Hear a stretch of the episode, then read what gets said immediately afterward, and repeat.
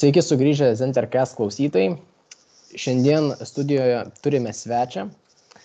Um, tai Vytautai, trumpai apie save pasakokite.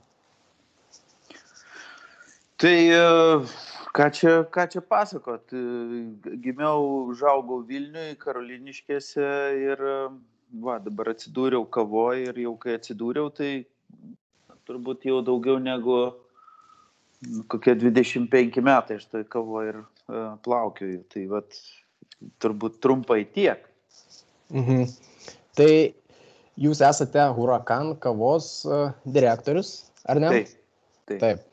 Ir uh, šiandien mes norėtume išsiklausinėti apie jūsų tą visą kelionę, visą sėkmę ir jūsų visą tą kavą. Tai gal pradžioj papasakokite mums, uh, kadangi mes patys esame studentai, ar ne, jau toj baigsime kursus, tai mums labai įdomu, ką, ką jūs veikiat po mokyklos. Kai kokia buvo jūsų kelionė nuo vat, baigėsi mokyklą ir kaip atsidūrėte ten, kur esate dabar. Geras klausimas. Reiškia, aš galvoju, kad uh, jūsų tėvai turbūt galvoja, kad, reiškia, po mokyklos neiti tiesiai į universitetą ir ten buvo, buvo ir dabar madinga užsienyje. Tiesiog išvažiuoti su draugais kur nors du metus ir ten kur nors Meksikoje, Gvatemaloje prasiduoti ir tada grįžti ir tada jau galvoti, kur įstoti. Teisingai. Tai man intuityviai gavosi kažkaip taip. Aš e, visai iš paskutiniųjų bandžiau įstoti, nes daviau mamai pažadą, kad baigsiu universitetą. Taškas. Čia buvo toks esminis mano pažadas ir e, sakiau, gerai, baigsiu universitetą. Ir aš, e, man dar nebuvo 18, aš netekau mamos. Ir, nu, ta mintis man tiesiog nedavė, reiškia, ramybės, kad reikia tą universitetą baigti. Tai aš ten ir korepetitorių samdžiau, ir ko aš ten nedariau, bandžiau įstoti, bet, na, į Vilniaus universitetą man nepavyko, aš įstojau į dabartinį VGTU. Ir kai VGTU įstojau, tai, na, visi žinojo, kad į VU sunku įstoti, bet paskui mokytis nelabai reikia, o VGTU labai lengva įstoti, ten imdavo, reiškia, visi, kas kur nepakliuvo, bet reikėjo žiauriai mokytis. Ir aš bandžiau tapti tuo inžinierium, reiškia, statybos inžinierius įstojau kaip po toks. Na ir aišku, pabaigiau pirmą pusmetį, reiškia, gavau visus pažymius, jokių skolų, nieko, viską, viską, viską, viską. Ir nutariau, kad man laikas kažką daryti ir, ir aš pradėjau uh, skraidyti po visokius tolimus kraštus. Čia tik tai Lietuvoje prasidėjo tokie dalykai, kai galima buvo aplankyti Arabų Emiratus ar ten kokią nors Kiniją. Tai aš Arabų Emiratuose paskutinį kartą buvau turbūt 1992 metais ar kažkuriais tokiais. Tai kai tų Emiratų net nebuvo, ten buvo viešbučiai, ten kažkokie, tai viskas atrodė vis tiek stebuklingai tais laikais, bet, žodžiu, pradėjau skraidyti. Kiniją aplankiau tada, nežinau, kokie 20 kartų turbūt. Tai. 20 kartų?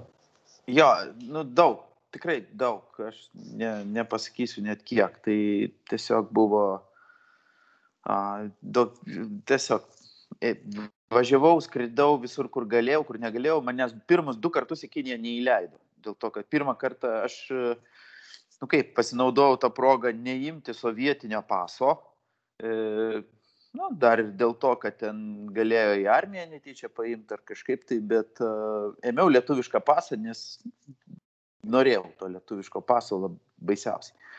Tai gavau ir išvykau su grupe, tai reiškia, mūsų pusė tos grupės išsiuntė atgal. Ten kažkas jiems nepatiko, kažkas tai, o už dviejų savaičių vėl keliavom į Kiniją ir tada mūsų neįleido tik trijų. Pasodino atgal į lėktuvą, sakė, čiuoškit, tai, tai jūsų pasai nieko nereiškia. Tai na, visokių čia tų nuotikių buvo, bet žodžiu, kad aš iš pradžių neįstojau ir prasidėjo kažkokie tai mano verslo bandymai kažkokį tai verslo padaryti. Tai ar ten kažkokie televizorių importas ar ten kažkokių ten žaidžiamųjų tų kompiuterių, žodžiu, kažkokių tokių dalykų, kas nieko tvaraus nebuvo, absoliučiai vien ten probleminiai dalykai, skolos, bėdos, niekas man tada nepavyko. Va, tai tol, kol, mm, reiškia, aš neatsidūriau va toj gretimoje Respublikoje, Minske, Ir tada man pavyko vienas verslas. Reiškia, aš ieškojau tuo metu degtukų ir kai suradau kaip, kaip verslą parduoti Lietuvoje degtukų, nes čia taip sugalvojom su draugu, kad čia dabar reikia, ir radom du vagonus degtukų. Tai, na, kadangi pavyko tas verslas taip, kad aš tiesiog tos degtukus iškeičiau į kavą. E, atsivežiau iš Lietuvos mikroautobusą kavos ir sakau, va, mikroautobusas kavos, o aš tada įimu degtukus, du vagonus. Ir pat ta transakcija labai gerai pavyko ir aš e, nuo tada supratau, kad e, netgi tokioj a, keistoj šaly kaip Baltarusija, kažkur ten netgi dar toliau nuo Minsko, reiškia, jeigu kava yra gera, o tais laikais tai buvo labai gera kava, nes atidarydavai pakelį ir ten kvepia per visus kabinetus.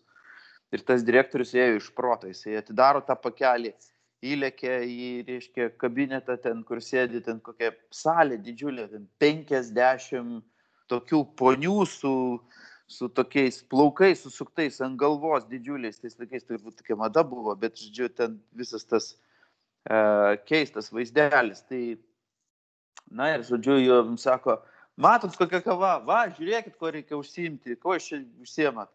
Reiškia, ir na, tiesiog uh, mintis buvo aiški, kad netgi tokioje vietoje gera kava labai daug ką reiškia ir žmonėms, uh, reiškia, tai koncentruoja dėmesį ir, ir tai yra reikalingas dalykas. Tai vat, taip atsiradau kavoj. Mhm. O sakykit, nuo to laikotarpio, kai jūs ten minėjot labai daug keliavot, teko dirbti kur nors?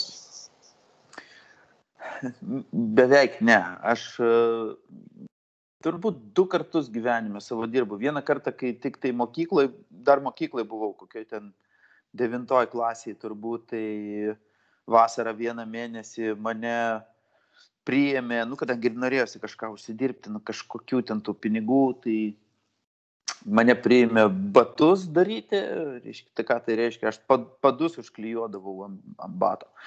E, tai va čia buvo mano toks vieno mėnesio darbas, o kito, kitas darbas, kuris truko gal kiek daugiau negu metus, tai kai aš jau grįžau iš Baltarusijos, kur turėjau užsienio kapitalo įmonę, buvau akcininkas 92 procentai, o 8 procentus turėjo kiti du žmonės, ir irgi užsieniečiai, ir mes turėjom savo užsienio kapitalo įmonę tenai ir pardavinėjom kavą, arbatą, aliejų, ten kažkokią gumą, kažkokius batonėlius, viskas, kas liečia tos, nu, va, tą kryptį, tą bakalėjiniai produktai, cukrus, miltai a, ir panašus dalykai. Tai tas verslas irgi ten nepavyko ir aš grįžau į Lietuvą ir aš jau studijavau, e, jau studijavau tarptautinio verslo mokykloje E, beje, tarptautinio verslo mokykla buvo viena iš e, tokių priežasčių, kodėl aš pradėjau mąstyti kitaip.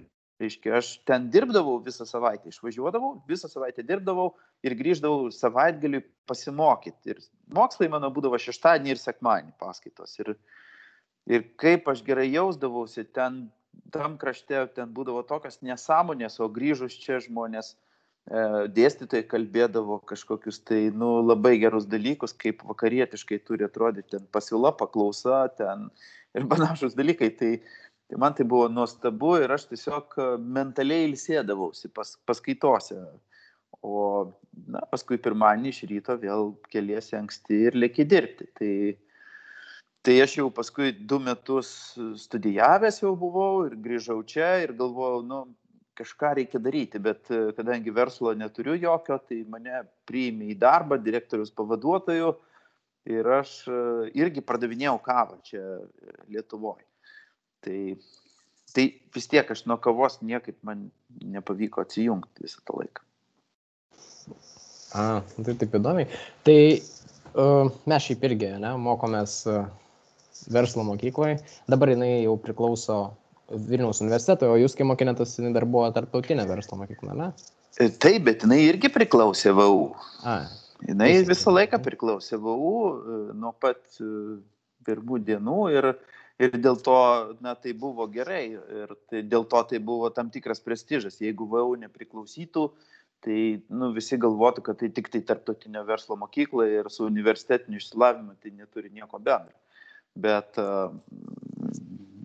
na, tai buvo dalis VU ir, ir ta, na, tokia geroji dalis VU, ne tiesiog studijos, kur ten, reiškia, tu mokaisi kažką labai plačiam lygmenį, bet tai buvo apie verslą. Ir, ir dėstytojai buvo labai, reiškia, tokie ir su vakarietiškais išsilavimais, ir su vakarietiškais jau prieimo būdais, jau atsirado testai, kaip, kaip neturėti egzamino, egzamino gali nebūti, gali būti testas.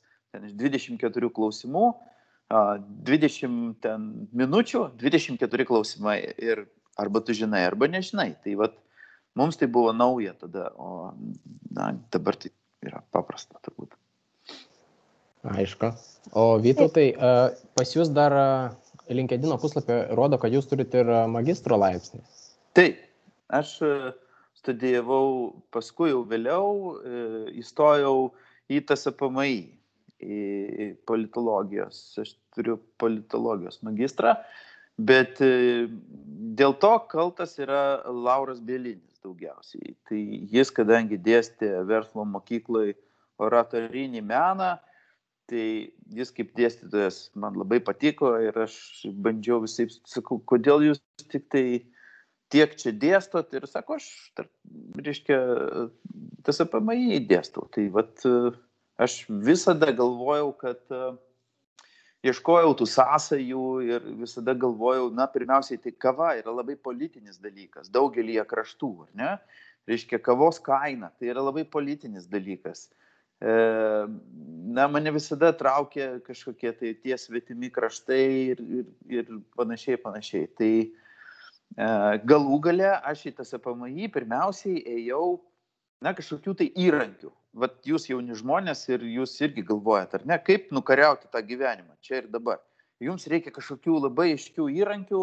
Aha, nu, aš nueisiu į tą universitetą ir ten galvojau, gal jie mane išmokys, kaip ten bendrauti su minė, kaip apsieiti, reiškia, nu, tai nėra taip paprasta. Ar a, kažkokių tai tokių labai praktiškų įrankių, kurie man gyvenime paskui padės.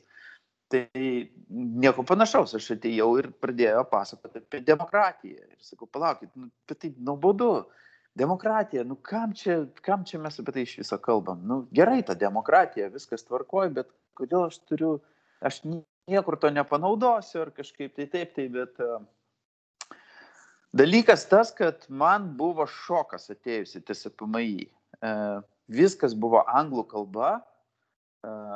Aš jau buvau TVM e labai seniai studijavęs ir aš grįžau po kokios irgi ten geros pertraukos, gal kokių penkių metų. Ir man reikėdavo skaityti kiekvieną dieną ten po kokią nuo 50 iki 130 puslapių angliškai. Ir turi kitą dieną ateiti į paskaitas ir pasakyti, what's the point? Tai man čia buvo didžiulis šokas, aš nesu niekada gyvenime tiek skaitęs, kiekvieną dieną angliškai ir ten dar reiškia tokią literatūrą, kuri nebūtinai tau įdomi, o kurią reikia perskaityti, tai, tai man buvo didžiulis stresas. Galų gale TVM mokė labai iškių dalykų, reiškia verslo. O verslas yra daugiau matematika negu sociologija. Tai tu labai aiškus dėsniai, tu žengsni į kairę ar į dešinę ir tu prapuolės. Jeigu ten, reiškia, nėra tvirto pagrindo, nu, tai tau šakės. Politikoje atvirkščiai, sociologija atvirkščiai. Yra, reiškia, trys keliai. Sakau, tai palaukit, tai jūs man paaiškinkit, kuris kelias yra teisingas. Ne, ne, sako, yra trys keliai. Nu ir kas? Tai sako, tau reikia žinoti tos tris kelius ir viskas. tai vad, iš konkrečių dalykų aš atėjau į labai nekonkrečius dalykus. Į labai, nu, kažkokią keistą erdvę ir mane ten moko kažkokios demokratijos, bet dabar versle tai labai padeda suprasti, institucijos padeda suprasti, padeda suprasti, kaip funkcionuoja valstybė, ko jinai nori iš to verslininko, nes verslininkai dažniausiai galvoja, kad juos dusina. Dusina, dusina, dusina ir tą daro kažkokie korumpuoti politikai, kažkokia, kažkokia mistika. E, kai tu supranti, kaip atrodo ta valstybės sandara, kai tu supranti maždaug, nu, kur čia yra normalūs dalykai, kur nelabai normalūs dalykai, tai tu tada nu, daug ramesnis šitoje vietoje ir, ir daug labiau myli savo valstybę, va taip pasakysiu. Taip, tai dabar a, truputėlį paklausiu apie jūsų pirmąją kavinę. Tai kiek žinau, kavos verslė esate jau ilgai. Pačia kava susidomėjote dar vaikystėje, jums teko, kaip minėjote, prekiauti įvairiais dalykais nuo degtukų iki kavos, bet vis dėlto nusprendėte galutinai savo tą karjerą sieti su kavos verslu ir atidaryti savo kavinę. Tai uh, kodėl tai padarėte? Ir dėl to, kad kava tapo jūsų hobiu, ar dėl to, kad tuo metu Lietuvoje trūko kavos kavinių? Ne, nei, nei kavos kavinių, tada iš vis, žinot, ah, nie, niekada nieko netrūksta. Žiūrėkit, e, jeigu jūs dabar pradėsit kokį nors futbolo aikščių statymo verslą, tai futbolo aikščių ką mažai, prasieikit pro žvėryną yra, o dabar aš jums parodysiu dvi futbolo aikštės, kuriuose niekada beveik nežaidžia žmonės. Ne, bet jūs sugalvojat, kad jūs statysit futbolo aikštės. Ir, ir tas pats ir su kava kai tu pradedi, reiškia, kavos verslą ir ateini pas ką nors ten, nežinau, iškepęs pirmus ten 2 kg kavos ar 5 ten ir sakai, nu žiūrėkit, nu čia yra, wow. O jie sako, žinai ką, vaikeli, čioškis čia, nu, mes 20 metų dirbam su kava, viską apie tai žinom, klausyk ten, vokiška gera, e, suomiška ok, o, o vat itališka, va dabar vat geriau, best vest.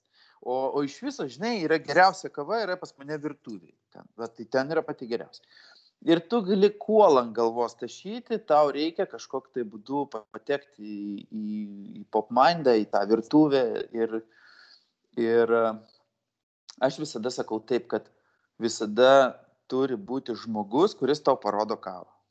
Ar jūs dabar geriate, nežinau, jūs bet ką jūs dabar geriat, bet kai atsiras toks žmogus, kuris jums sakys, žiūrėk, va, va čia ne kava, o va, o va čia tai kava. Ir jūs pajusite skirtumą, viskas, nuo tos minutės jūs pamatysit, koks jūs kavos, reiškia, fanas ir entuziastas. Tai lygiai tas pats buvo su manim. Aš susiradau vieną bičią, kuris sako, nu va, čia tau duodam paragauti kavos, va, im padelį kavos, aš atsigeriau. Ir aš tada prekiavau kavą, ne, aš parduodavau, nu, tom vadinamom fūrom kavos ten 20 palečių, 11 palečių siūsk į Kauną, nu, kavos fūros, būdavo, nu, N ten tos kavos, bet jinai visa buvo bjauri, nuolat, tiesiog. Ar aš ją norėdavau gerti? Niekada. Bet buvo tokia kava, kuri būdavo skani ir aš jos pasidarydavau podelį ir jinai buvo gaminama Latvijoje. Ir man visada būdavo nu, kažkoks kultūrinis šokas. Reiškia, iš druskininkų atvažiuoja žilas dėdė, atsiveža krūvą pinigų ir sako, vytai, va čia man, pakrauk man tos skanios, va, viskas. Tai būdavo žmogus, kuris atvažiuoja, kuriam nieko nereikia, bet jis padeda krūvą pinigų ir sako, man reikia skanios kavos. Ir buvo tos fūros visos, kurios stovėjo, kuriuom niekam nereikėjo Bet man būdavo užduotis, kaip direktorius pavaduotojai, kišti visą tai į parduotuvės lentynas ir ten statyti, kad būtų daug ten tų veidelių ir čia viską prekiauti. Ir, ir va toks buvo prieštara tam tikra, kaip ir yra gera kava ir yra bloga kava. Bet a, bandydamas ten nukariauti tą rinką, visą laiką tų didžiųjų klausdavau, sakydavau, Gerai, jūs dabar turite 100 gramų pakelį. Ar galite padaryti 80? Ne. Gerai, mūsų pakelis yra rudos spalvos. Gal galima padaryti geltonos spalvos? Ne, negalima. O šitą galima? Ne. O ne. Tai va, taip, ir, taip ir gyvenom. Būdavo, reiškia, dičkiai, kurie, kur nieko negalima. Ir būdavo mažesni, kurie, reiškia, galima buvo kažką tai padaryti. Tai maždaug taip. Gerai, o tada um, kokia yra mėgstamiausia jūsų kava, mėgstamiausias gėrimas ir uh, pupelis iš jūsų asortimento, jeigu aišku tokias turite? E, nėra tokio dalyko, iš tikrųjų kiekviena šalis gali pasiūlyti kažkokių labai labai labai gerų pupelių. Ir, na, arba tu gali jas visas nusipirkti, kas yra utopija. Man, aš visą laiką norėdavau, visą laiką eidavau į tą gerą, labai gerą kavą, į kuo geresnę. Ir būdavo tokių žmonių, kur man, man tvirtindavo, sakydavo, vytai, tu nori nupirkti visą geriausią kavą. Saktų turnas. Ir E, taip niekada nebuvo ir taip niekada nebus. Bet e, kažkiek tos geros kavos, prie pačios geriausios pasaulio kavos aš labai norėjau prisiliesti. Ir vat, nuo 2005 metų aš nuolat galiu prisiliesti prie super geriausių ten pasaulio kavų. Ir aš dėkoju likimui už tokią dovaną. Nes uh, nu, kažkoks tūlas lietuvis, aš uh, labai ilgai, turbūt vienintelis rytų Europoje galėdavau tą padaryti, bet uh, nu, dabar yra daugiau, daugiau, daugiau tų žmonių, kurie gali, reiškia, prisiliesti prie to, bet um, visi to dalyko tikrai nepirks ir aš gyvenu kiekvieną dieną, o šiandien ragavau šešias Ekvadoro kavas. Ir aš ragauju, ir žmona paragavo, sako, kaip mes čia ragaujam, kodėl čia taip, hmm, nėra jinai ten kažkokia super, bet sakau, Bet tai Ekvadoro kava, kada tu paskutinį kartą ją ragavai? Oi, sako, prieš daug, kokį 20 metų turbūt. Tai visada labai įdomu pasižiūrėti į visą tai iš kažkokios tai laiko perspektyvos, kaip jam pavyko per šitą laiką ir panašiai, panašiai. Tai aš negyvenu vis kasdieną su labai gera kava, su ten geriausia pasaulio ir, ir, ir aš gyvenu su pavyzdžiais kavos geriu pavyzdžius, daug įvairios. Man kava yra penas pamastymui. Gerai, o tuomet, kaip manote, ar lietuviai vertina gerą kavą? Minėjot, kad anksčiau, kai um, kartą nuvykote į Baltarusiją, visi labai norėjo tos geros kavos paragauti. Tai kaip manote, ar tai priklauso nuo šalies, ar skirtingose šalyse vertina kavą? Uh, iš tikrųjų, mes Lietuvoje esam, na, kaip čia pasakyti, gerose rankose, ar nežinau, kaip, kaip čia įvardinti visą tai, bet aš manau, kad Lietuvoje jau ateina tas laikas, kai labai daug tos geros kavos bus. Klausimas tik tai iš mūsų vartotojų pusės. Aš manau, kad Lietuvoje jos yra labai daug ir mes jau labai naudojamės tos geros kavos privalumais. Reiškia, nuvažiuojam kur nors ten į kokią nors ten šalį ir sakom, bet palaukit, šito gert neįmanoma. A? Aš geriau sulauksiu grįžęs namo ir, ir e, atsigersiu tos kavos, aš čia geriau nežinau, ką nori, ten šampaną gersiu ar bet ką, sultis. Tai e, man atrodo, kad bent jau Vilnius tai žydė ir jos yra ir jos vis daugiau ir, ir ir tas tikrai yra matosi ir aš prie to irgi prisidėjau, tai manyčiau, kad e, viskas tikrai gerai su ta kava. Yra kavos rinka Lietuvoje. Turi uh, kit, kitų dalykų. Jis turi bėdų daug ir, ir turi senų bėdų, kaip antai būdavo, žinot, kad, kas būdavo akstinas kavinėje, priežastis pakeisti kavą. Prieš 20 metų, prieš 10 metų ir dabar priežastis pakeisti kavą. Jeigu tu duosi kavos aparatą, jeigu tu duosi mums kavos aparatą, mes turim savo va čia restoraną, čia pas mus čia labai brangu, čia labai gerai, bet tu kavos tiekėjau turi duoti kavos aparatą, kuris kainuoja, tai nežinau, 9000 pinigų. Ir tai yra bėda. Ir aš su tuo kovojau jau 20 metų ir aš galvoju, kad aš, nu, aš manau, kad neturi kavos tiekėjas duoti kavos aparatą. Tu gali eiti į banką, gauti kreditą, nusipirkti tą kavos aparatą, jeigu tau jis reikalingas. E, tu gali išsinuomoti tą kavos aparatą. Yra na, visokiausių būdų, kaip tą daryti, bet e, kokia problema buvo sukurta šitoje vietoje? Tai ta, kad e, tik tai tas, kuris turi tų kavos aparatų, pinigų, kad nusipirkti tų kavos aparatų ir, ir geriausių kavos aparatų tikrai nepirkdavo, pirkdavo bet ką, bet kokį, patį prašiausią, bet tu jį turi duoti ir tada, reiškia, tuos kaštus pasidėti ant kavos, tada turi dar prastą kavą pasimti, prastas kavos aparatas, prastas kavos malūnas, prasta kava turi atpirkti visą tai, iš viso to turi gauti kažkoks biznis. Tai jūs suvokit, kad visa tai persekioja Lietuvą iki šiol. Ir tai yra vėžys, gangrena. Nu, taip neturi būti. Vis dėlto, jeigu jūs norit, kad kava būtų skani, tai jinai negali būti uždyka, jinai negali būti ten nemokama. Jinai turi būti už kažkiek tai pinigų. Nu, aš taip visą laiką sakau gyvenime, kad geriausi dalykai gyvenime yra nemokami. Ten meilė, draugystė, ten, nežinau, įvairiausi geri dalykai, jie visi nemokami. Bet jeigu tai yra labai gera, nežinau, kava ar kažkoks automobilis, nu jis kainuoja kažkiek, kažkiek pinigų jis turi kainuoti, bet jis neturi tau kainuoti tiek, kad tu ten, nežinau, varvintum seilę ir dėl to vergautum ir ten, nežinau, atsisakytum visko vardan kažkokio tai daiktelio. Nu taip neturi būti.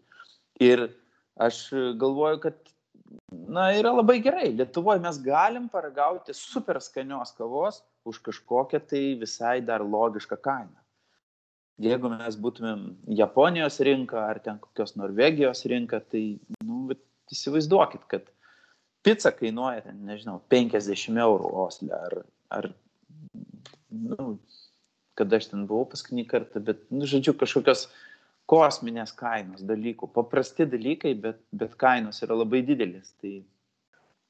Vytauto, tai jūs uh, sakot, uh, jūs kaip tiekėjas turite duoti tą kavos aparatą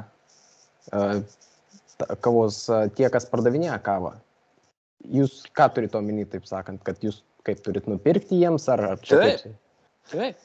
O tai jūs iš savo, tam, kad parduoti jiems kavą, jūs dar turite ir nupirkti jiems aparatą ir duoti. Ir kavos malūną, ir vandens minkštiklį, nes jis ten yra būtinas. Ir duok podelių, ir duok servetėlių su savo logais. Aha, cukraus turi, gerai, ir šitą duok. Tai suprantat, kad, nu, taip dabar jau yra prasiskėdę šiek tiek, bet nu, ne visi to prašo ir reikalauja, bet uh, didelė, dar didelė dalis. Čia yra tos senosios kavos problemos, naujosios problemos kavos yra kapsulės, e, vienkartiniai puodeliai, e, šiukšlės, tai yra naujosios kavos problemos. Bet kaip aš matau kavą, tai aš ją matau visiškai gryną, visiškai kaip juodos kavos puodelis, be cukraus, be nieko, vanduo ir kava ir viskas. Ir daugiau nieko nereikia, kad kava bus labai skani, bet ji turi būti skani. Nu ir tiek, net aparatų nereikia. Žmonės prisipirkė krūvą kavos aparatų. Aš dabar jiem niekaip negaliu, taip nežinau, nenuleisdamas akių pasakyti, akių pasakyti, kad jūs išmetėte pinigus. Nu kam žmogui namie kavos aparatas? Man galite pasakyti? Kad padaryti 3 padukus kavos per dieną. Marazmas, ką? 3000 pinigų ten, 2000 pinigų. Kam visą tai? Ekonomika kaista, garas kyla, visi kažką dirba, užsijėmė, kad tris padukus kavos padaryti va šitaip. Nu, tai yra absurdas. Žmogui tiek nereikia. A, ūkininkai iš kitos pusės. Ūkininkai nesuduria galo su galu. Jie ubagai. Jiem paspausti ranką, paskui tos rankos nenusiplausia, nes jis smirda, žmogus gyvena kažkokie palapiniai, jo vaikai, nežinau, ten nieko nematė, ne tik tai kompo ar kažko, tai, nu, tai yra siaubo filmas. Vat, e, vat su tuo reikia kovoti, vat už tai reikia primokėti. Darbas yra, jūs padirbkite kavos plantaciją, aš jums nuoširdžiai, linkiu. Išvažiuokite, mėnesį praleiskite kavos plantacijoje rinkdami kavą. jūs kitaip į kavą žiūrėsite. Jūs būsite toks kavos fanas grįžęs, kaip niekas kitas, net kaip aš net toks nesu. Tai jūs pamatysite, koks tai yra krūvinas darbas, kiek tai yra vabalų, kiek tai yra galimybių jūs įkasti į bet kurią ten vietą ir, ir, ir kas tik nori tą gali padaryti, o galų gale dar vakare nakvojant plantacijai gali ateiti koks nors banditas ir, reiškia, jūs ten ar pagrobti, ar, ar suluošinti, ar kažką norėdamas atimti piniginę. Nu, va čia yra tikrosios problemos, kur kavoje reikia kautis už ką ir reikėtų na, suvokti, kad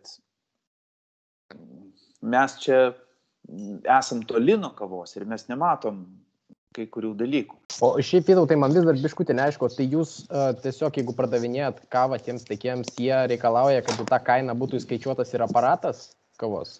Taip, taip. Jie tipo, jie tipo tiesiog paprasčiausiai kavos neperka. Jie nori, kad ir aparatas ateitų kartu. Taip, ir e, visur taip ir yra.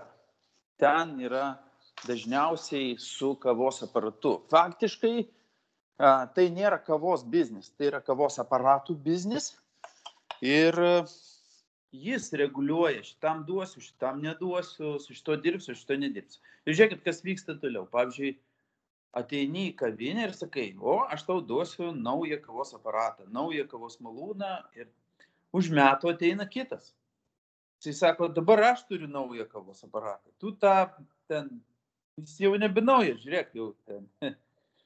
Tai, žodžiu, konkurencija vyksta visai ne ten, kur jinai turi vykti. Jeigu, nu, kaip yra restorane kažkoks somelie, kuris atsakingas už ten vyno kokybę, lygiai taip pat jis turėtų būti atsakingas už kavos kokybę, arba yra barmenas, kuris, e, na, ten atsakingas už viską, kas vyksta bare, ne, ten šitas gėrimas pas mus turi būti, šitas einamas, šitas neinamas, o, o taip arba taip.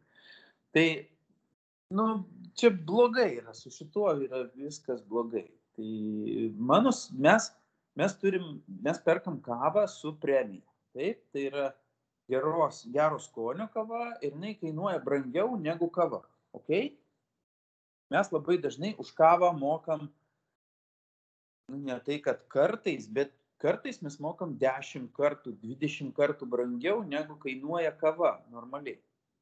Taip? Tai mes mokam labai brangiai ir labai daug ir tada atsidurėm ties va šitą nesąmonę. Viešoji opinijagi vartotojas. Visi supranta taip, kad kava turi kainuoti kažkiek. Du eurai ten, nu, nu, kažkiek ten tiek. Nesvarbu, kokia jinai yra. Jeigu tu dabar sakysi, mano kava kainuoja 10 eurų, nusakys vagijas, nu šitam paramos nereikia. Nu, čia kažkas ne taip. Bet kartais pupelės yra tiek brangios, kad jos kartais kainuoja, nežinau, mes kartais turim tam po 7 eurus, bet mes iš jų nedarom nei espreso, nei kapučino, nes sumaišyti jas dar su pienu po to, kai jos buvo brangios ir geros, yra nusikaltimas. Tai mes darom kemeksą, mes darom ten kažkokį aeropresą, kažką tokio ir, ir tiek. Ir žmonės tada skanauja tą kavą, be cukraus, be, be nieko. Bet pirkdami brangesnę kavą, e, palaikydami ūkininką, norėdami tos skanesnės kavos, kad va, čia būtų, e, tu privalai mokėti premiją, kitaip nebus. Čia nėra šitų kultūrų, kur, nežinau, jeigu jūs dabar norėtumėt ką nors parduoti į kokį nors didelį prekybos centrą, tai jums nieko nepavyks, nes sakyti, davai atnešk tą patį daiktą, tik trigubai pigiau. Ir tada mes jį į lentyną pasidėsim. Tai ten taip nėra, žmonės verkia iš karto. Sustovi ašaros vyras, sako, kodėl tu nori paimti mano geriausią kavą ir už mažiau negu, negu mažai. Tai kavos biznėje yra taip, kad tu užsiauginai ten, nežinau, šimtą maišų kavos ten penki maišai tavo wow, ten wow derlius. Dešimt maišų, mm, labai geras, solidus derlius. Dar 20 maišų yra ok, o ten 80 maišų yra kažko tai. Nebūtinai tokia proporcija, ten gali būti atvirkščiai, gal 20 maišų blogos, ten 60 ok, bet kad būtų užsiauginau šimtą maišų ir visos jos yra čia kaip, nežinau, wow, kava, tai, tai taip niekada nebūna. Niekada.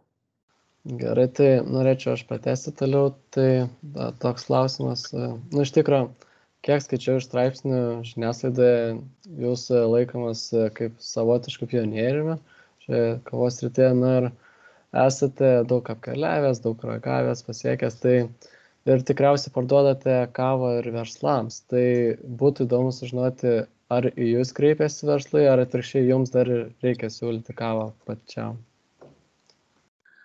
reikia siūlyti, nes, nežinau, aš tai šventai tikiu, kad e, pasiūla kūrė paklausą, ne kaip nors kitaip. Jeigu tu tik pardavinėsi tai, ko dabar reikia rinkoje, tai tu nu, šakės žuvis. Kitas dalykas labai svarbus, na, tų gerų kavų pas mus būna ne, ne viena ir ne dvi per metus.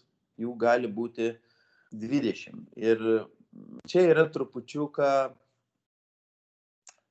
nu, toksai išsišokimas prieš pasaulinę rinką. Normalios ten kažkokios labai labai geros kavos kompanijos turi ten 5-6 kavas ir viskas, daugiau neturi. Ir tada vartotojui dar lengva pasirinkti, jis ateina, o, bet mūsų vartotojams visa tai jau yra nuobodu. Jie paragavo šitą kavą, mhm, užsirašė. Dabar jie šitą kavą paragavo, mhm, dabar jie nori naują kavą paragauti. Ir labai didelė žmonių dalis ateina ir sako, kas naujo. Tai jeigu aš neįsiu pas vartotoją, tai jis nesužinos, kas pas mane naujo. Faktiškai pas mus yra daug naujų dalykų ir mes sakome, okei, okay, o dabar mes turim, ten nežinau, naują kavos malūną, kuris daro tokius stebuklus. O dabar mes turim kažkokią naują kavą. O dabar mes turim kažkokią tai naują paslaugą. Tai aš nu, privalau eiti. Aišku, mes turim daug pasikreipimų ir bandome juos atsakyti į tos pasikreipimus. Tik tai labai dažnai žmonės turi kažkokius e, keistus lūkesčius, nu, kad čia a, kitą kartą neįmanoma to padaryti už tiek, kiek jis nori, ar, ar kažkaip tai nubūna visai. Tai būna, kad jie kreipiasi, būna, kad mes kreipiamės, įvairiai atsitinka. O klausimas šiaip su kavos tais ūkininkais, nu, tais tiekėjais, tikiu kad pasaulyje yra jau iš tikro daug kavos rūšių ir iš įvairiausių egzotiškiausių vietų.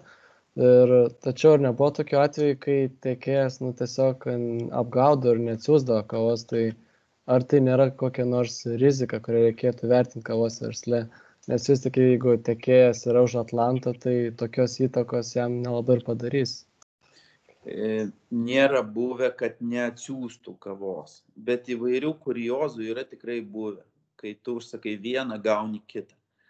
Kai, nežinau, man buvo toks kuriozas Afrikoje, aš nusipirkau vieną kavą, tai galite įsivaizduoti, kad, nu, čia yra kavos specifika, tu nusiperki kažkuriuo tai momentu, jeigu šalis turi tik vieną derlių, tu nusiperki kažkuriuo tai momentu, jie visą tą derlių ir parduoda.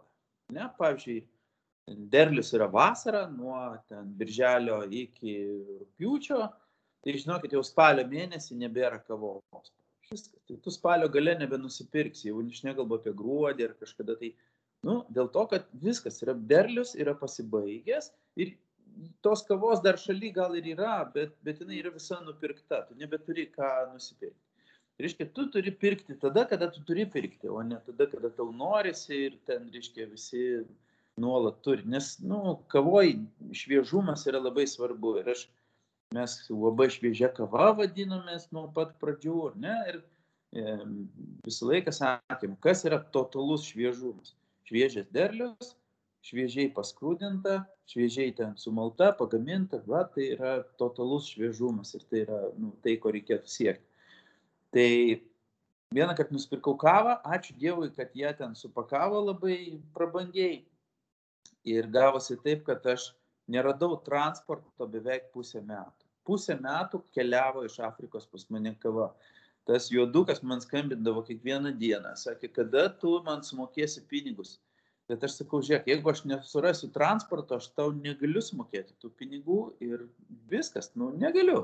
Vat nieko aš nepadarysiu. Jeigu aš juos nepasiimsiu, tai kaip aš tau sumokėsiu pinigus. Tai aš kiekvieną dieną turėdavau ten skambutį ir, ir reikėdavo jam aiškinti kažką. Tai, tai būna, būna visokių kuriozų su ta kava ir rizika šitoje vietoje yra labai didelė. Ir ūkininkai yra ten, kur nėra net telefono. Ten kartais nieko nėra. Tiesiog yra laukiniai žvėris ir kažkokia ten angliškai hut. Um, nežinau, iš, iš bambuko padarytas būstas. Tai kaip tu jam paskambinsi, kaip tu jam parašysi, bet kartais yra taip, kad nu, va, yra tokia padėtis ir a, tau reikia turėti reikalų su tais žmonėmis. Tai yra nu, labai sudėtinga. Supratau, nu, tada pereikime prie kitos temos, tai baltoji banga, tai gal e, matėme, kad jūs esate nu, šioje iniciatyvoje, tai gal galite papasakoti apie ją šiek tiek ir kodėl nusprendėte ją, ją tapti. Na, tai yra, jūs šiek tiek žinot, kas tai yra, ne? Ja. Tai, na, tai yra organizacija, kuri e, masto idealistiškai, kad šioje šalyje nėra vietos šešėlį. Tai toje šalyje vis tiek to šešėlio niekaip nemažėja, bet mes ten atsidūrėm labai paprastai. Mes e, paskelbėm prieš turbūt kuriais 16 ar 17, 17 biuros, kad mes atsisakom grinų pinigų. Nu tai va, tai žodžiu, visi sukiojo ir sakė, nu šitas tai nenormalus. E, bet, e, na, tas žingsnis iš tikrųjų buvo labai geras. Tai yra nu, toks išlaisvinantis dalykas ir baltoji banga mus pati susirado. Sako, nu, va, geras pareiškimas ir e, mes jumis tikrai tikim, nes nuslėpti tai, kas pakliuvo į sąskaitą, neįmanoma. Tai, nu, vat ir viskas. Ir mes tikrai skaidrus. Tai mes paėmėm ir atėjom pas juos. O a, kita ta dalis, a, iš tikrųjų organizacijos neįtraukia investuotojus. Tai lygiai taip pat, kaip jie traukia užsienio investuotojus, jie aiškina apie ten, kokia čia yra kultūra visų administracinių dalykų. Lygiai taip pat ir mes esame investuotojai, mes Lietuvos investuotojai, kurie investuojam Lietuvoje. Tai tas investuotojų forumas ir yra mums visiems investuotojams. Tai, tai nu, toks labai mūsų sutapo tokios vertybės ir tiek. Nu, ir aš galvoju, kad e, daug yra paprasčiau, kai viskas yra registruojama ir kai viskas yra, kai mokesčiai yra labai aiškus ir kai juos lengva sumokėti ir, ir kai tavęs nu, nesmaugia kažkokios va, tokios nesąmonės. Aš mokesčių politikai Lietuvoje, nežinau, manyčiau, kad labai kritikuotina, bet kritikuotina dėl to, kad dalis nemoka ir tai yra kažkoks status quo normalu. Nu, normalu, kad statybų versle, e, kiek nesumokama visokie gariūnai ten automobiliai, jie nieko nemoka. Nieko. Nieko nemoka ir, ir visa tai yra kažkaip normalu. Niekas nenori viso šito sugriauti, nes tai niekam nenaudinga. Visiškai niekam nenaudinga. Nei tam žmogui, kuris ten parduoda tos automobilius, jis paskui pats ir rėkia visose delfiuose, kaip pas mus kokios blogos yra viešosios paslaugos. Deja, deja, bet, nu, eik mokėk mokesčius ir, ir viskas, nu ir tada reikalau. Kur dėjote mano mokesčius sumokėtus? Vat tada labai aiškiai, tu turi teisę reikalauti. Bet va, vyriausybė, va, dabar nauja, labai demokratiška, labai čia faini, Jie sako, atsiūs dokumentėlius, mes pažiūrėsim, kiek tu čia sumokėjai, ar pas tavi tikrai krito apyvarta, ar kaip čia. Žiūrėkit, mane galima perskaityti per VMI viską apie mus žino. Kam aš dar kažką turiu sakyti ir siūsti. Bet, nu, daug visokiausių tų pūlinių yra tiesiog. Gal kada nors pasikeis, bet reikėtų, kad ateitų nauja karta ir viską pasižiūrėtų naujai. Aš manyčiau, kad neturėtų būti tokios šešėlinės ekonomikos. Mes kalbėjom investuotojų forume ir kalbėjom apie tai, kad reikia kuo daugiau digital paslaugų. Kuo daugiau, nes atsisakymas grinų, ten kur grini, ten yra kriminalas, tai galima seifą išnešti, išplėšti, apvokti, e, galima dideliu kiekiu, galima mažu kiekiu, kiek aš esu, mūsų gamykla yra už Vilniaus, ne Vilniuje ir ten gyvena daug senų žmonių. Juos ateina, primuša, apiplėšia kažkokie alkoholikai ten nu, sunku pavadinti tos žmonės žmonėmis, bet jie tos senolius, engia. Ką mes turim policininką pastatyti prie kiekvieno senolio, kad va, šitaip, kad nebūtų ir, nu, sudėtingai čia.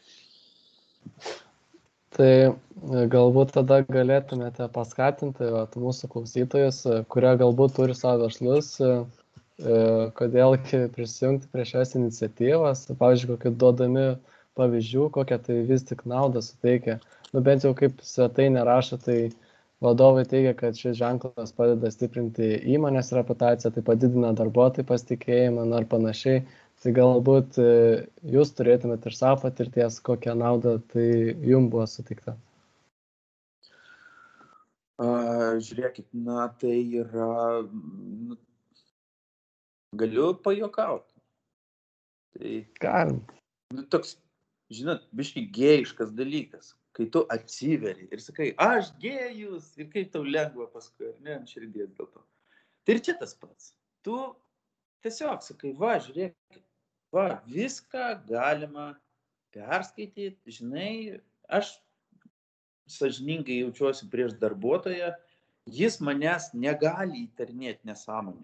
Nes yra krūva sektorių Lietuvoje, kur vis dar mokama ten vokeliai kažkokie, kažkokie dalykai, keisti dalykai be galo vyksta, žinokit. Jeigu jūs paklausinėtumėte tų žmonių, ten, ten tokia nesąmonė, neseniai girdėjau tokią istoriją. Yra įmonė, pavyzdžiui, atlyginimas 722 eurų. E, ateini gauti atlyginimą. Tu turi ateiti gauti atlyginimą, nes 600 ten tau pervesta, o 122 tau turėtų duoti į rankas. Ir tau duoda 120 ir sako, eik, tai kaip galima už 2 eurus susigadinti viską, visus santykius gyvenime, va taip. Ir kad čia, nu, nežinau, tai gerai, duok 3 eurais daugiau tada ir sakyk, okei, okay, be gražos, be gražos. Bet kai viskas yra digital, tai viskas labai paprasta. Žiūrėk, mano paslaugos kainuoja tiek ir tiek. Okay. Aš tau turiu sumokyti, nu va, tai aš tau sumoku. E, kava kainuoja tiek ir tiek. Ok. Betgi, žinot, pavyzdžiui, yra kur, kur grįžta žmonių iš Italijos ir sako, žinai, kiek kava Italijoje kainuoja? Kiek? Vieną eurą. Sakau, tikrai, tikrai. Tai ar žinot, kodėl Italijoje kava vieną eurą kainuoja? Todėl, kad už grinus ir prie baro. Man patys italai sako, žiūrėk, nu, tai yra nelegalu. Tai yra barmeno biznis. Tai yra pocket money. Žmogus paima eurą, įsideda į kišenę ir viskas. Ir jis gali pradėti savo darbo dieną. Taip sako, aš pradėjau savo darbo dieną aukštai. Nu, čia išversta Tai kaip tu pradėjai savo darbo dieną, pardaviau ten šimtą podelių kavos ir susikišau šimtą eurų į kišenę, jeigu nedaugiau. Viskas. Ir kodėl Italija taip prastai laikosi su visom išmokom, su visom ES, su visko? Dėl to, kad nesurinka mokesčių. O visą ES paramą susirinka ten mafija kažkas. Tai viskas dėl to, kolegos. Jūs norite matyti savo valstybę iškeltą galvą? Mokėkite mokesčius. Aišku, jie galėtų būti mažesni. For sure. Nu, tikrai, šitoj vietoje yra daug visokių galimybių, kaip čia galėtų būti geriau. Bet pirmiausiai reikia kažkaip, nu, nuspręsti, kad, okei, okay, aš mokėsiu mokesčius. Tai mes tų mokesčių sumokam labai daug. Ir labai keista, kad aš netgi vat, girdžiu iš kitų verslininkų, iš didelių verslininkų, kad sako, mažieji nemoka mokesčių iš esmės. Nu, tai man, nežinau, man labai keista, kodėl taip, kodėl taip galima sakyti. Kaip dar galima supriešinti visuomenę labiau, tai kad didieji verslininkai sakys ant mažų, tie nemoka mokesčius, o mažieji verslininkai sakys, o tie neša kišius ir ten kažkokią politiką daro. Tai, na, tokia prasta diskusija, bet uh, reikia mokėti mokesčius. Viskas. Ir tada reikalauti viešųjų paslaugų normalių kelių, ne tik pas premjerą, bet kad tada, kad viskas būtų. Nu, kažkaip taip. Aš dabar norėčiau vėl nuo mokesčių grįžti prie, prie kavos. Tai kai ieškau informacijos, atradau tokį įdomų faktą, kad esat Cup of Excellence um, teisėjas ir būtų tikrai įdomu sužinoti daugiau apie šitas varžybas, kaip jos vyksta, kaip atrenkat um, nugalėtojus ir ar visi ūkininkai, kurie augina tas um, kavos pupelės, gali dalyvauti. Jo, reiškia, man patiko šito konkurso idėja. Aš pirmą kartą, kai patekau į kavą auginančią šalį, aš pirmą kartą patekau Nikaragų tai man tai atrodė kaip rojus. Rojus žemėje. Įsivaizduokit, kalnai, saulė visus metus ten mane veža kažkokiais kateriais per kažkokį Nikaragvos ežerą su rykliais. Tai kaip multikas kažkoks. Nuostabu. Ir,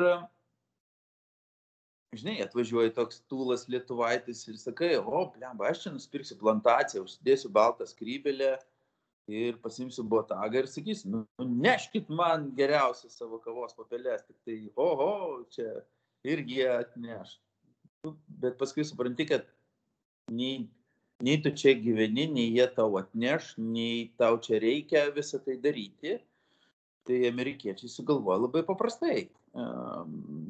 Na, daugelį verslų ir daugelį, reiškia, maisto dalykų yra naudojamas tas selektyvus metodas, atskirimas. Tai amerikiečiai sako, žiūrėkit, mes jums sumokėsim. Mes jums tiesiog sumokėsim kartais daugiau, nes Kapo Vekslinis yra amerikiečių sukurtas konkursas. Ir sako, mes jau mokėsim pinigus. Tik tai atskirkit savo geriausias pupelės ir atneškit. Ir viskas. Simple as that. Nereikia jokių kepurių, jokių botagų. E, jūs atnešit geriausias pupelės mes įsitikinsim, kad tikrai taip gerai, viskas mes jums mokam. Tai konkurso idėja yra ta prasme nuostabi. Konkursas keičia gyvenimus. Tai yra wow dalykas. Dėl to, kad žmogus kartais gauna už kavą, nu, rekordas ten buvo 200 kartų, 180 kartų daugiau, negu kainuoja kava. Jūs norėtumėte už savo paslaugas gauti 180 kartų brangiau kur visą tai nusipirkti, ne? Kaip, kaip man tai padaryti. Bet, žiūrėkit, nu, daugelis bando savo laimę, eina ten teleloto, ten kažkokį perka biletėlį ir galvoja, kaip jisai taps milijonieriu. Bet čia ir yra šuo pakastas, labai geras dalykas, tau nereikia nieko, jokių nesąmonių daryti, tau nereikia gamblint, tau nieko nereikia daryti, tu darai savo darbą, tai, kad tau pavyksta ir tai, kad tu myli. Ir tau už tai sumoka kosminius pinigus. Ir čia yra konkurso geras. Tau, tau nereikia keistis dėl to, tau nereikia. Va. Tai jo, aš uh, seniai tą darau, nuo 2005 metų. Aš remiu tą konkursą, aš galvoju, kad uh, konkursas labai daro, žinokit, didelę įtaką visose tose šalyse, kuriuose jisai vyksta. Ir aš buvau visose šalyse, kur vyko tas konkursas. Ir po, po keletą kartų, ir ne po vieną, ir ne po du, kartais ir po tris, ir po keturis, ir panašiai. Tai konkursas neša jėgą tam tikrą. Ir mm, praeitais metais man, aš buvau įrašytas į žiūrį, pirmą kartą turėjau vykti Etijopijoje Ir jis neįvyko dėl COVID. Ir aš prakeikiau save ir, ir gyvenimą, kad man nepavyko ten nuvykti dėl, nu, į tą konkursą. Dėl to, kad aš Etijopijai buvęs daug kartų, bet konkursas yra visai kas kita. Konkurso metu atrandamos naujos rūšys, atrandami nauji žmonės ir kiekvienas ūkininkas gali dalyvauti.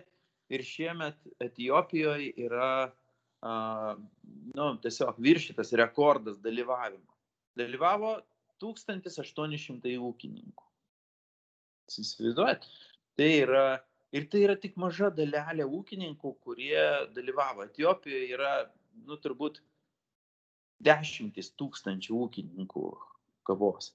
Ir čia yra nedidelė dalis, kuri dalyvavo, bet jie dalyvavo labai masiškai, labai gausiai. Aš galvoju, kad šiemet Etijopija pramuš stogą su kainų rekordais, dėl to, kad iš tokios didelės pasiūlos galima atrinkti tikrai labai labai labai sofistikuotą kavą ir aišku, pasaulis norės jiems pirkti ir ją pasižiūrėti, na, paragauti. Tai nežinau, ar atsakiau į klausimą. Atsakėt, jo. Tai taip išeina, kad nugalėtojas, nu, ar ten, nežinau, keli, kiek jų ten yra išrinkta, um, jų kavos tada yra eksportuojamas į kitas šalis, pasirašo sutartis kažkokias, ar kaip vyksta tas dalykas? E, fiziškai, fiziškai tai vyksta taip. Atėjo 1800 ūkininkų, atnešė pavyzdėlį. Tada tie pavyzdėliai yra paragaujami ir e, nu, surinkama pirmiausiai nacionalinių degustatorių komanda. Surinkami geriausi, kas gali atrinkti kavą. Top, top notch, visi ragautojai tos šalies. Ir jie susirinko ir dabar atrinko 150 tik tai. Pirmas, pirma fazė 150. Visiems kitiems padėkojom širdingai, ačiū. 150 žmonių, kurie va, davė šitos pavyzdžius, dabar jau turi suvežti savo kavą ten į sandėlį. Tą sandėlį uždaro, užanspauduoja, gal dar, gal dar šitoj fazėje ne, bet žodžiu, kad iš esmės veikia taip, kad e, turi likti 60 pavyzdžių. Atvažiuoja tarptautinė degustatorių grupė, kai lieka tik 60. Tada ta kava būna jau suvežta ir suareštuota į sandėlį. Jis jau fiziškai yra pačiupinėta, e, kiek jos yra pasverta, jau viskas yra audito įmonė, kuri turi raktus nuo šito sandėlio, jinai yra už, užkoduoja audito įmonė, visą laiką dalyvauja nėra jokių vardų ir pavadinimų, ten yra tik tai kodai. Nu, ir, ir viskas, kada atvažiuoja tarptautiniai degustatoriai ir juos užkoduoja, kad tu nežinotum, ar čia balsavo ar Petras ar Mikas, tai tiesiog vyksta vertinimas tos kavos ir kai jau laimi visi, kas viršė 87 balus, visi laimi. Kava lygiai kaip nori būti kaip vyno industrija. Vynas irgi matuojamas balais ir viskas, kas viršė 87, pateko į konkursą. Viskas tai yra konkursinė kava. Ir tada vyksta internetinis aukcionas. Ir tas aukcionas ten vyksta online prekyba. Tu užsiregistruoji, kad tu nori dalyvauti tam aukcionė, tau reikia susimokėti, nu ir perki. Kas daugiau davė, tas ir, tas ir nusipirko tą kavą. Mhm. Čia panašiai kaip ir su akcijom irgi galim prilyginti. Tai yra aukcionas. Na, tai yra aukcionas. Tai yra ir, ir, ir vyno aukcionai, turbūt yra lyvo galėjos aukcionai, ir, ir arbatos aukcionai, yra viskam yra aukcionas. Tiesiog kas duos didesnę kainą. Paskelbiamas kažkoks laikas e, ir tu sėdi ir klikini su kompu ir viskas. Ir arba nusipirkai, arba nenusipirkai. Tai tada, kai tu nusipirki, dar tau reikia ją parsivežti, parsigabenti. Na ir tada irgi prasideda visokio ten cirkai, kaip ją parsigabenti, dėl to, kad, na, čia yra sudėtingi dalykai, ten labai daug niuansų visokiausių. Dar norėčiau apie kitą organizaciją pašnekėti, tai apie Specialty Coffee asociaciją. Mhm. Ir e, gal irgi galėtumėt papasakoti, kas tai yra plačiau ir ką jūsų verslui reiškia tas įstojimas į ją. E, aš pasakysiu taip, aš ne tik įstojau į asociaciją, aš su asociacija susipažinau 2004 metais. Tai aš kai pamačiau, ką jie veikia, tai aš nutariau įstoti ir tą asociaciją pakviesti į Lietuvą sukurti taip vadinamą Lithuanian chapter. Tai tas ir buvo padaryta Ir jau 2005 metais aš padariau, įkūriau ypatingos kavos asociaciją ir, reiškia, gavau kart blanšą organizuoti čia čapterį ir padariau pirmą Lietuvos kavos čempionatą, ypatingos kavos čempionatą. Tai ir paskui dar penkis metus visai stengiausi, kad visa tai vyktų, kad, kad tai būtų. Tai aš ne tik narys, bet aš Lietuvoje šita organizacija egzistuoja iki šiol, taip vadinama SCA, SCA, SCA, čia, žiūrėjau, vykdo kažkokias tai veiklas.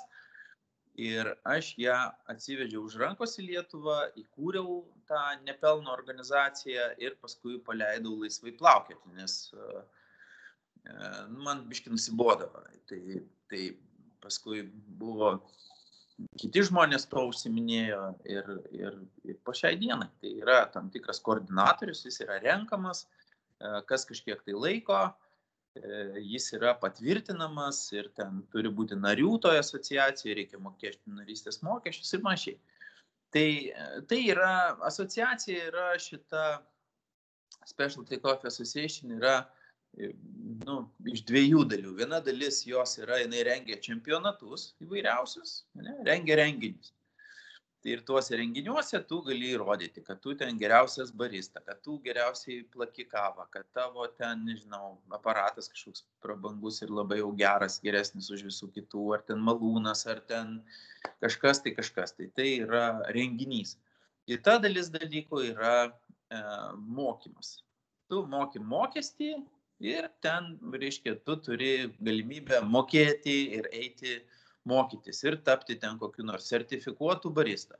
Tu gali tapti sertifikuotų kažkokiu tai treneriu, ten kavos ragavimo ar kažkoks tai ten kavos krūdinimo, na ir taip toliau. Tiesiog gauti diplomą ir pasakyti visiems Lietuvoje, aš jau esu vat, diplomuotas žmogus, ne, ne šiaip savo aš čia užsiimu. Tai Tai yra tokia organizacija. Tai kad jinai yra Lietuvoje nuo 2005 metų yra labai gerai. Ir aš manau, kad tas darbas, kad mes kiekvienais metais stengiamės, kad tas čempionatas įvyktų, kad visa tai gautų kažkokią tai viešumą ir, ir veiklos, kad vyktų, tai dabar Lietuva naudo, reiškia, nu, gauna iš to dividendus. Vis dėlto kavos kultūra Lietuvoje yra aukštesnė negu Latvijoje ir Estijoje. Taškas. Supratau, gerai, tai dabar dar um, sugrįžkim kiek dabar į Lietuvą, į Vilnių, kur yra kavinės jūsų. Ir um, iš savo aplinkos esu girdėjusi, tie, kurie dirba Hurakan kavinėse, kad um, darbo vietos kiekvieną mėnesį keičiasi. Pavyzdžiui, vieną mėnesį dirbi ten tarkim panoramai, kitą mėnesį Gedimino prosvitą ir taip toliau. Kaip atsigalvojot tokią iniciatyvą?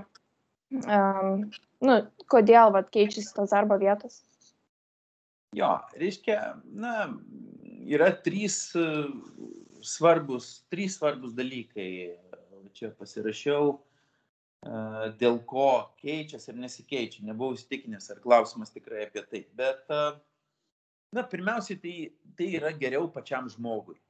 Ne, jeigu tu ateitum naujokas ir tu patenki į vieną kavinę ir ten yra kokie du, trys žmonės ir vienas tau patinka, kitas tau nepatinka mhm, ir tu nelabai supranti ir nelabai jauti bendrumą su įmonė. Kai tu per mėnesį laiko aplankai visus taškus ir susipažini su 40-50 žmonių, tavo identitetas iš karto yra kitoks ne, tu jautiesi stipriau.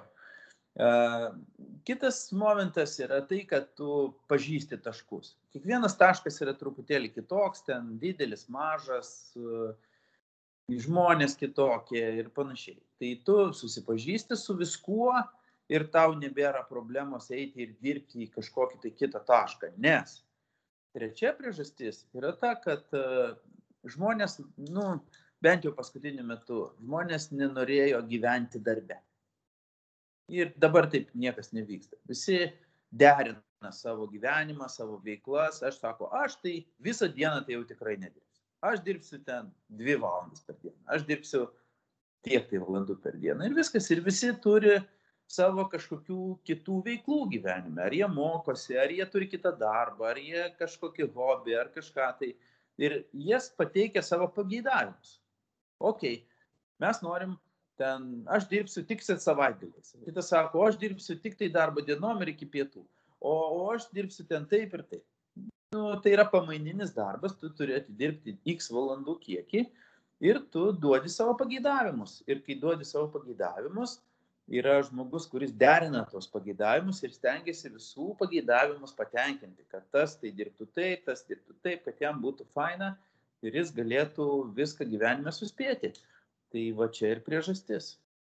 Tvarka, aš dabar norėjau jūsų labai paklausti, e, kokios yra didžiausias e, jūsų versle išmoktas pamokas? Kokių patarimų galėtumėt e, duoti praktinių ar, ar teorinių? Nu, čia jo, tas vienas iš sunkesnių klausimų ir toksai. Aš užsirašiau porą tokių gyvenimo moto, turbūt, kur, kur man svarbu išgirskite. Pirmas dalykas, kad kurdamas kažkokį verslą, kažkokį produktą, kažkokią paslaugą, nu, galvodamas apie savo įprasminimą, ar ne, kažkaip tai, kad kažkokią prasmingą veiklą, pirmiausiai tu, pirmiausiai tu turi tai sukurti. Negalvok apie pinigus, nes pinigai turi ateiti iš paskos. Pirmiausia, tu turi tapti reikalingas, um, geidžiamas, nu, daugiausiai reikalingas. Jeigu tu žmonėm reikalingas, tai viskas, ateis pinigai, jie bus paskui. Kiek jau jų bus, nu, ten kaip tau pavyks. Jeigu ten labai daug išlaidausi, pavyks mažiau, bet, bet iš esmės tai pinigai eina paskui va, tai, ką tu sukūrei. Tai toks labai, manyčiau, svarbus dalykas, nes aš turiu savo jauną sūnų 18 metų, kuris ten labai dažnai mėgsta man pareikšti. Ai, metu mokyklą, jis dar mokyklos. Metu mokyklą, eisiu mašiną remontuoti ar kažką ten. Sakau, žiūrėk, nu, kažkokie neadekvatus poreikiai tavo. Nes, nu, du skirtingi dalykai ant svarstyklių ir kažkaip tu juos nori sulyginti ir, ir padaryti dar prioritetų mašinos tvarkymą, o ne savo mokslą. Tai labai keista. Tai vat, manau, kad pirmiausiai tu su savo idėjom, gerom, ne tik idėjom, su, su savo jau tuo reikalingų dalykų. Aš nesakau, ar tai prekia, ar paslauga, ar kažkas tai, ar, gal tu labai geras, nežinau, apsikabindamas visus ir tavęs labai reikia. Ateini į paskaitas ir visus apsikabini taip nuoširdžiai, kad visi sako, šiandien to žmogaus nėra, tai savo nesiseks. Ir taip gali būti. Bet, bet net ir už tai galima sumokėti, jeigu žmogus tai labai gerai daro. Tai viskas, kas yra daroma gerai, apsimoka ir apmokama. Kitaip ir būti negali gyvenime. Va, tai vienas iš tokių moto. Kitas moto yra tai, kad na, pasiūla kūrė paklausą. Jeigu ekonomikos teorijai kur nors perskaitysit kitaip, nesąmonė, netikėtai. Paklausa nekuria pasiūlos, tik tai pasiūla kuria paklausą. Tu turi išsiaiškinti, ko čia dabar reikia, ko čia dabar trūksta, tada vat, paimti, parodyti, padaryti ir tada atsiras paklausa tam dalykui. Taip, aš tikrai sutinku su pirmu patarimu, kad ilgalaikė perspektyva visą laiką turėtų būti svarbesnė negu tas trumpalaikis, tarkim, pelnas. Mhm. Reikia žiūrėti ilgiau, kaip ir jūsų tas e, e, su studijom e, pavyzdys, kur buvo, kur mašiną tvarkė. Taip. Taip. Ir kitas man labai įdomus ir svarbus klausimas, nes asmenybė iš tikrųjų pastatoma per kasdienybę ir kažkokius tai pasikartojančius, nu, kokia tavo veikla per dieną, pasako, koks tu esi asmo iš tikrųjų. Tai kokia jūsų įprasta diena, kokie įpročiai jums padeda? E, nežinau, aš gal juoksitės, bet aš mailo beveik neskaitau.